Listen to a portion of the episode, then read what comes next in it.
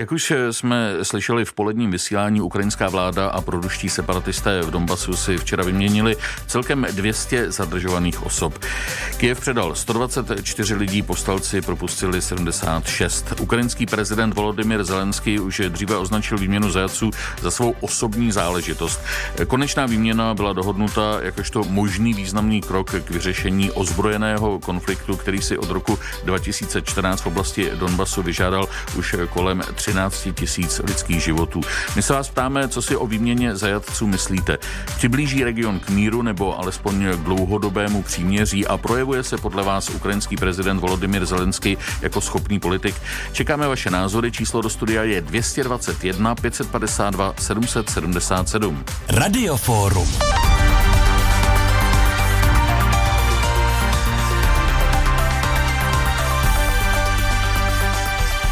Hostem Radiofora je Lenka Výchová, ukrajinistka a redaktorka ukrajinského žurnálu. Ještě jednou vám přeji dobrý den. Dobrý den. Vy jste v publicistice naznačila, že to má několik háčků a že se spíš na tu výměnu, tak jak byla provedena, díváte skepticky. Můžete to vysvětlit, prosím? Ano, samozřejmě má, ta výměna má pochopitelně několik rovin. Hned na začátku řeknu tu dobrou uh, rovinu. To je to, že se opravdu uh, desítky lidí eh, dostalo z, mm, z vězení, mezi nimi 12 ukrajinských vojáků, kteří tam eh, většina z nich strávila 4 roky. V, samozřejmě eh, už dnes jsou, eh, se dá přečíst eh, různé, různé interview s těmito lidmi, kteří popisují mučení a, ta, a tak dále a tak dále. Takže to je, to je dobrá zpráva a na tom to všechno dobré vlastně končí, protože ta výměna opravdu má strašnou spoustu problémů. Eh, za A je nutné říct, eh, že to nebyla výměna zajaců, tak jak ji prezentují, eh, prezentují všechny možné strany, včetně evropských politiků. Protože výměna zajaců by byla, kdyby si dvě bojující strany vyměnili vojáky. Eh, jak už jsme říkali v seznamu eh, nebo eh, mezi těmi, kteří, kteří se dostali na neokupované území, to znamená pod kontrolu Kyjeva, se dostalo pouze 12 ukrajinských vojáků, zbytek byli civilisté. A jenom pro vysvětlení, jak se ti civilisté mohou dostat do, do vězení na okupovaném území, stačí opravdu i špatný pohled. Prostě Jedna paní 70 letá, dejme tomu, se dostala do vězení kvůli tomu, že vylepovala plakáty. Pro ukrajinské plakáty. 70 let e, za plakáty. A, a takovýchhle případů je tam eh, strašná spousta. Další věc, eh, který, která je problematická, co se týče těchto seznamů, vůbec netušíme, kdo je, kdo je sestavoval. Je, jisté je, že, že se do nich dostávali i, i lidé, které Eh, které jaksi navrhovala ruská strana protože spousta těch, které chtěla dostat ukrajinská strana, se na ty seznamy eh, nedostala.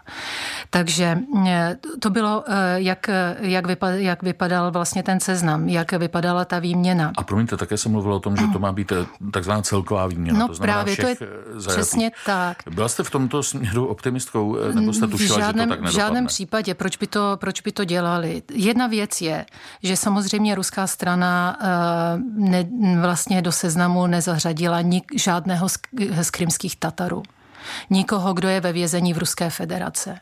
Vlastně neustále, vlastně touto výměnou e, všichni přistoupili na ruský narrativ, že se na Ukrajině jedná o vnitřní konflikt a že si vyměňují uh, Kijev s takzvanými separatisty. Ale my přece všichni víme, že takzvaní separatisté jsou pouze nástrojem v rukou, uh, v rukou Moskvy. Takže z ruských vězení se tam nedostal uh, vlastně nikdo, nemluvě už o krymských Tatarech. O ty se prostě nikdo hmm. nestará. A jestliže prezident Volodymyr Zelensky řekl, že je to jeho osobní záležitost, ta výměna vězňů, jak je to teď v tuto chvíli na něj háže světlo podle vás? No je to jeho osobní zodpovědnost. On e, vlastně znásilnil ukrajinské právo, mezinárodní právo. E, víte, k čemu došlo den před eh, výměnou zajaců? A na tu zprávu jsem se já osobně uh, dívala vlastně několikrát a vůbec jsem netu, ne, nevěřila svým očím a ne, nechápala jsem ze začátku, o co se jedná. Uh, ruská strana zařadila na seznam který, uh, lidí, kteří, které chtěla vyměnit, dejme tomu charkovské teroristy. To jsou lidi, kteří mají na svědomí čtyři oběti, mezi nimi 14-letého uh, kluka. Takže Charkovský soud Eh, den před výměnou eh, odsoudil tyto tři lidi jako teroristy na doživotí a v tom samém rozsudku je propustil. Věc patrně nevýdaná. To samé se stalo uh, fakticky v Kijevě, i když ještě o něco uh, horší situace, protože členové speciální jednotky Berkut, kteří mají na svědomí 48 obětí na Majdanu v, ve městě, ti dokonce ani nebyli odsouzení. Vstoupilo se e, do vlastně trestního řízení s tím, že se prostě propustili. Byli propuštěni. To znamená, ani eh, nedodrželi se žádné procesuální eh, záležitosti, nedodrželo se právo. Prostě eh, tohle to je z hlediska právního patrně totální zvěrstvo, který, které ovšem padá na hlavu Zelenského. Ale kvůli němu jsou zranitelní jak soudci, tak prokurátoři, tak prostě veškerý vlastně představitelé Ukrajiny, kteří v této výměně se nějakým způsobem účastnili, protože za chvilku se může stát, že se vláda změní a že oni všichni si budou sednout za, toto, eh, eh, za, za tyto kroky fakticky. Takže je to obrovský, obrovský problém, vlastně vnitřní eh, problém. A nejenom. Vladimíru Zelenskému se povedlo zničit vlastně právní, právní stát i ten nedokonalý, absolutně nedokonalý ukrajinský právní systém, který existoval, tak i e, tímto způsobem ho ještě více zničil. Vysvětluje ukrajinská Lenka Výchová. My teď máme u telefonu e, prvního volajícího e, posluchače Radka Kolibíka. Přeji dobrý den. Hezký den. Jak to vidíte vy? Co si o výměně zajaců myslíte? No, byli vyměněni zajaci, jistě je to citlivá záležitost kolem Vánoc, pravoslavné Vánoce vlastně v těch končinách teprve začínají, takže možná budou někteří lidé spokojení, ale ta, ta situace to je pořád taková stejná imperiální hra ruská, protože no, nedá se asi očekávat, že by ten konflikt eh, se nějak oslabil nebo že by dokonce skončil. Eh, já, co si pamatuju z historie, tak eh, Rusko, Ruská říše nebo Sovětský svaz se nikdy nevzdávali svých dobytých území s jednou výjimkou, pokud si pamatuju, tak to byl Afganistán, kde ta situace už byla neudržitelná a ty oběti byly pravděpodobně příliš velké. No a potom eh, to byl eh, rozpad eh, Sovětského svazu, kdy se některé země osamostatnily, ale ty režimy některé zejména ty středoazijské, zůstaly stejně nedemokratické, jako je režim ruský. Takže podle mého názoru ta situace se bude nějakým způsobem dál vyvíjet, ale nejsem optimistický v tom, že by se vyvíjela k dobrému. Ukrajina je ve špatném stavu, ta míra korupce a, a rozvoje nějaké občanské společnosti, tak to o tom se nedá moc hovořit. No, Říká Radek Kolibík. Děkuji, mějte se hezky, nashledanou. jsem v tomto směru pesimistický. Mm. Hezký den. Nashledanou. Pavel Michal je další volající. Dobrý den. Dobrý den. Posloucháme váš názor, co si myslíte o výměně zajaců? Tak ve sféře ruského vlivu ve sféře ruských vlivových operací, což je samozřejmě důmyslný typ války, na rozdíl od operací tankových a jiných, e, jsou věci postaveny trochu jinak. E, Rusko má takový potenciál, že je schopno e, ovlivňovat jenom politiky, ale případně i prezidenty. Ta kapacita těch zemí spustlých po první světové válce je v porovnání s Ruskem mizivá. Tedy v Rusku stačí velmi málo, aby šlo za svými cíly. Co konkrétně tady se dělo, to já nevím. Možná to byl jenom kšeft o peníze. Prostě tam vždycky ta vláda je mnoha stupňová a podobně jako dřív u nás na Václavském náměstí dole je ta mafie, ty vexláci a pak to pokračuje do těch horních pater, kde jsou nebo bývali teda na Václaváku dnešní oligarchové. Čili tam do toho hmm. asi málo kdo vidí a je i tato varianta, že se prostě nějaký lidi dohodli. Říká Pavel Michal, děkujeme za názor, mějte se hezky nashledanou. Já teď eh, ještě ocituji z Facebooku některé názory. My se ptáme, projevuje se ukrajinský prezident Volodymyr Zelenský jako dobrý politik. Ladislav to odpíše, mně se zdá, že jo, ale Ukrajince, co znám, to tak optimisticky nevidí, tedy zřejmě Ukrajinci. Asi ještě ukáže čas. Miluše Dvořáková popravdě mě mile překvapil, moc jsem toho od něj nečekala. Ondřej Lipták, nějaký šešek z televize a dívejte, národ ho miluje a co dokázal, fakt zvláštní až pohádkově hezké, takže se mám trošku na pozoru. Eh, Stáně Střelcová píše, je to loutka, divím se, že se ke zradě vlastního národa vůbec někdo propůjčí ukrajinského lidu. Je mi velice líto, jejich vlády je zneužili a sužují je tím nejhorším způsobem. Na Twitteru se ptáme, přibližuje podle vás výměna 200 zajaců mezi Kijevem a separatisty z východu Ukrajiny celý region k míru? Určitě ano, spíše ano, spíše ne, určitě ne. Můžete hlasovat. Zatelefonujte nám svůj názor. 221 552 777. Přímá linka do Radiofóra. 221 552 777. Hostem v Radioforu je dnes Lenka Výchová, ukrajinistka. Slyšeli jsme dva názory posluchačů. Kdybychom přistoupili na to, co říkal ten první, že vlastně to projev imperialistických eh, eh, kroků eh, Ruska a Kremlu, čím to, že vlastně na to přistupují politici, jako je Macron nebo, nebo německá kancléřka? No, já to taky moc nechápu.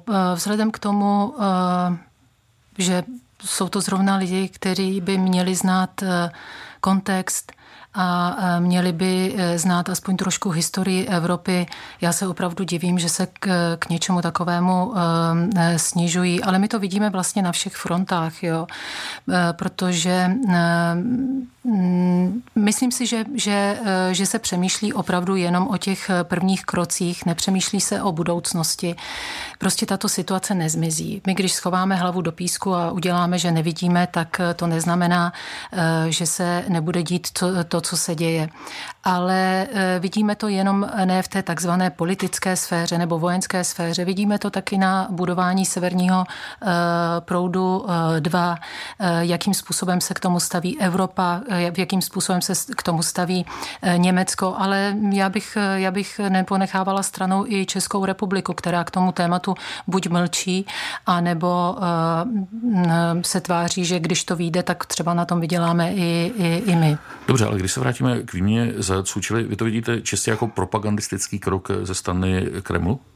Nejenom. Samozřejmě, že to je součást ale já jsem hluboce přesvědčená o tom, že je to, eh, že je to vlastně ta bomba, která má vybuchnout uvnitř ukrajinské společnosti, protože, protože je to eh, eh, vlastně kolem té výměny se událo tolik, tolik věcí, tolik negativních věcí, které rozdělili ještě více ukrajinskou společnost. A opravdu se obávám, že může v jistou chvilku dozrát ten potenciál konfliktu vnitřního. A, a že to je pozvánka pro Ruskou federaci. Ostatně vzpomeňme si na nedávné prohlášení Vladimíra Putina o tom, e, z jakého důvodu vstoupila sovětská vojska do Polska. A on to vlastně všechno velmi hezky říká. On říká stát, který, který přestává existovat, tak eh, do něj může vstoupit jakákoliv armáda, že jo, včetně, včetně té ruské. Proč někteří z těch, kteří měli být původně vyměněni, to odmítli? Proč nechtěli? Eh, eh, bylo to na obou stranách. Z okupovaného území odmítlo přejít na, na neokupované, to znamená na pod, na, pod kontrolu Kyjeva pět lidí. Jistá část z nich odmítla kvůli tomu, že tam žijí, mají rodiny své domovy, ale už včera se objevilo interview se dvěmi ženami, které evidentně byly, byly zapsány do toho seznamu právě s propagandistickým účelem, protože vlastně jejich příběh byl takový, že nevědomky pomohli ukrajinskému špionovi se dostat na okupované území. E, za tři měsíce, e, za tři měsíce byly zatčené, ale vlastně e, strašně děkují tamnímu ministerstvu vnitra za bdělost a jsou nadšené a, a hledí v, šťastně do, do budoucnosti separatistických republik v obětí bratrského Ruska samozřejmě. Takže to bylo naprosto jasné. Na, na okupované území odmítlo jít asi kolem 30-40 lidí, z nich 12 eh, bylo, eh, odmítlo prostě odjet na to, na to území a kolem 20 vůbec odmítlo být zařazeno do, do výměny, to znamená do celého toho procesu. Většina z nich teda si vybrala ukrajinské vězení před okupovaným územím. Posloucháte Český rozhlas plus Radioforum. Teď je u telefonu posluchač František Kozubek. Dobrý den. Dobrý. Máte slovo, prosím. No, já jsem chtěl říct, že to, nevím, já mám tady spoustu Ukrajinců, ne, nejsou to lidé, kteří dělají tady po brigádách někde nebo něco, rozumí tím různým problémům více než určitě my nebo někdo jiný. Ta paní, která tam je, ta je úplně mimo, oni mluví úplně o něčím jiným. To, to začalo Majdanem, oni ty Rusy bílí, kopali do nich, plivali po ně a všecko a tam na ten, ten konec chtěli úplně otrhnout, tam je přilazná většina Rusů, tak oni brání své domovy, oni, oni ne, ne, neutočili na Ukrajinu jako zákon, oni brání sebe. Teda. Já nevím, proč nám mluví takové nesmysly vysvětlit. Tady jsou lidé, kteří tam žijou, kteří tam žili. Mm-hmm. Dobře, pane Kozubku, my jsme vás vyslechli, mějte se hezky, nashledanou. Asi to není eh, poprvé, kdy slyšíte tyto argumenty. Samozřejmě, není to poprvé. Není to poprvé, ale um, ono se těžko uh, komentuje uh, takový, takový guláš, který zrovna uh, teď uvařil pán, uh, který uh, volal do studia. Protože když už jsme u toho Majdanu, tak eh, chtěla bych připomenout, že, že Rusko si vyžádalo eh, pět eh, příslušníků tehdejšího Berkutu, což jsou speciální policejní jednotky. Byli to příslušníci roty, které se říká Černá rota, kteří zabili na Majdanu 48 lidí. Takže vlastně eh, dalo by se říct, eh, že eh, Rusko si svoje lidi bere zpátky. Ostatně na, v apelačním soudu, odvolacího soudu, kde byli propuštěni tito lidé, tak jeden z těch příslušníků bývalého Berkutu měl na rameni ruskou, ruskou vlajku. To znamená, Rusko přiznává, Možná, že i to, že už na Majdanu vlastně bylo nějakým způsobem přítomno. Máme dalšího telefonujícího posluchače, je to Miroslav Holaň. Dobrý den. Dobrý den. Vy už znáte moje číslo, že? Já nevím, pane Holani, teď jste ve studiu, já neberu telefony, takže prosím, máte-li něco na, na srdci, hovořte, prosím. Já jsem se chtěl optat paní Výchové, jak přišlo na to, že nejchytřejší na světě je, že Merkelová, Macron, Zelenský a vůbec ukrajinští politici voliči totiž jsou totální pitomci, když ho zvolili. Mm-hmm. Děkuji za názor, eh, za názor, za otázku. Mějte se hezky nashledanou. Tak eh, jak zatím hodnotíte eh, působení současného ukrajinského prezidenta?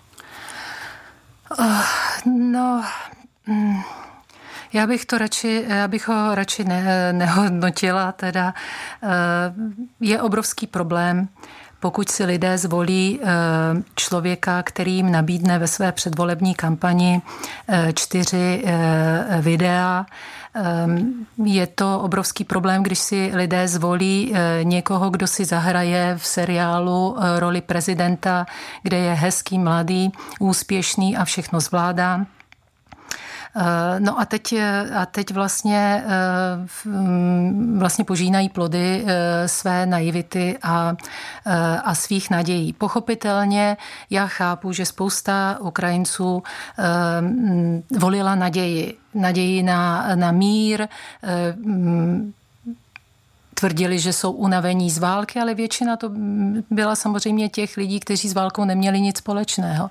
Mimochodem opravdu pouze kolem 20% Ukrajinců zažilo nějakým způsobem válku, to znamená, že buď bojovalo, anebo, anebo, bylo, eh, anebo se ocitlo na frontové línii a tak dále. 80% Ukrajinců žijí podobným způsobem jako my tady v Praze a chtějí eh, vlastně strčit hlavu do písku a nevidět eh, válku a myslí si, že, že eh, jedním zvolením prezidenta, který se jim líbí a který jim přináší vlastně lehká řešení nesnadných problémů, že to prostě zvládnou. No. A jak byste popsala třeba vztah právě Vladimíra Zelenského a Vladimíra Putina?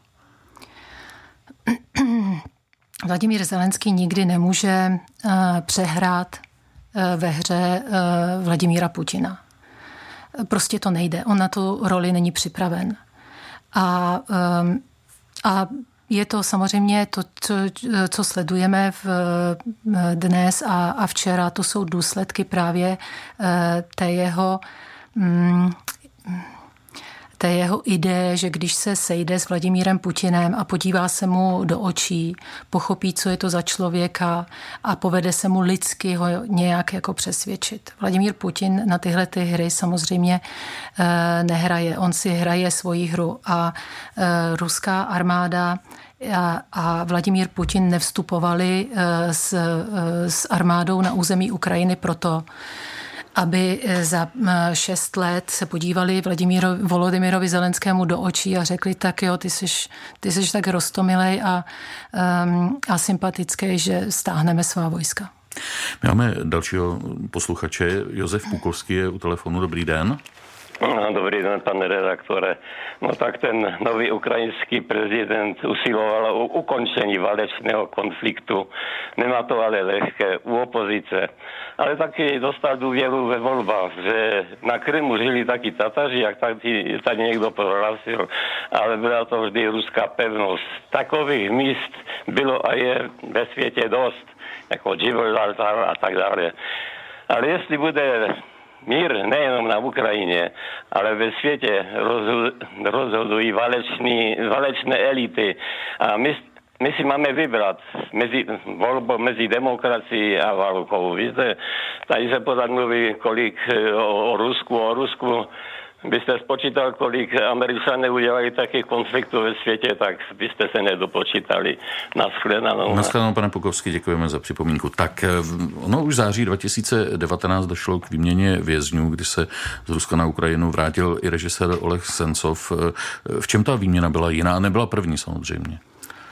Eh, nebyla první, ale ona vlastně byla předzvěstí toho, co se stalo včera protože už eh, eh, u té výměny v září, kdy se eh, opravdu dostali z vězení Oleg Sencov a Kolčenko, tak, mm, tak ukrajinská strana vlastně vyměnila za ně jiné své občany. A to je, a to je další problém, ke kterému jsme se vlastně ze začátku nedostali. To znamená, to znamená, Rusko, eh, Rusku vlastně Ukrajina odevzdává své, své občany výměnou za jiné své občany.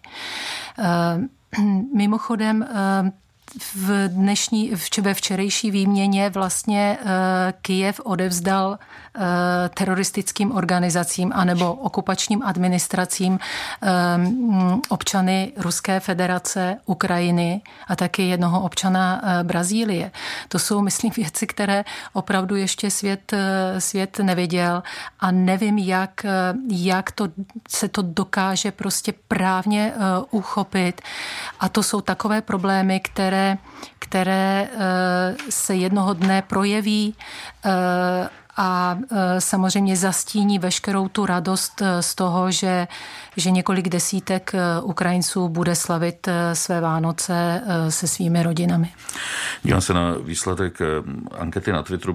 Ptali jsme se, přibližuje podle vás výměna 200 zajaců mezi Kijevem a separatisty z východu Ukrajiny celý region k míru? 3% určitě ano, 23% spíše ano, 41% spíše ne a 33% určitě ne.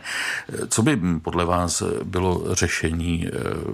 Jak by třeba měla Evropa, OSM přistupovat k té situaci na Ukrajině? Já ještě z té radosti ještě hmm. doplním, z té radosti z té výměny a z té naděje, že se věci pohnou, chtěla upozornit na to, že, že v bývalá vláda nebo bývalý prezident Petro Porošenko za jeho vlády za těch pět let došlo k výměně tří tisíců hmm. zajatců.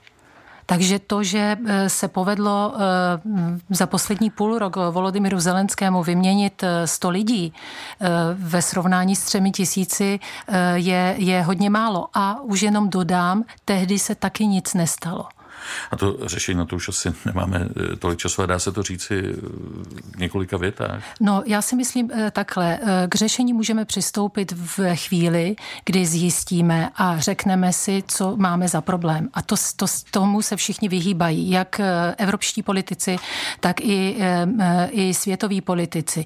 Prostě my musíme nejdřív vědět, kdo s kým bojuje a teprve potom začít eh, mluvit o tom, co se dá, co se dá dělat. Ale jak vidíme, jak paní Merklová, tak pan Macron, ostatně i naši politici čeští, se vyhýbají vůbec tomu, aby řekli, kdo je tady agresor. Připomíná ukrajinistka Linka Výchová, určitě se k tématu ještě vrátíme. Mějte se hezky, nashledanou. Děkuji, nashledanou.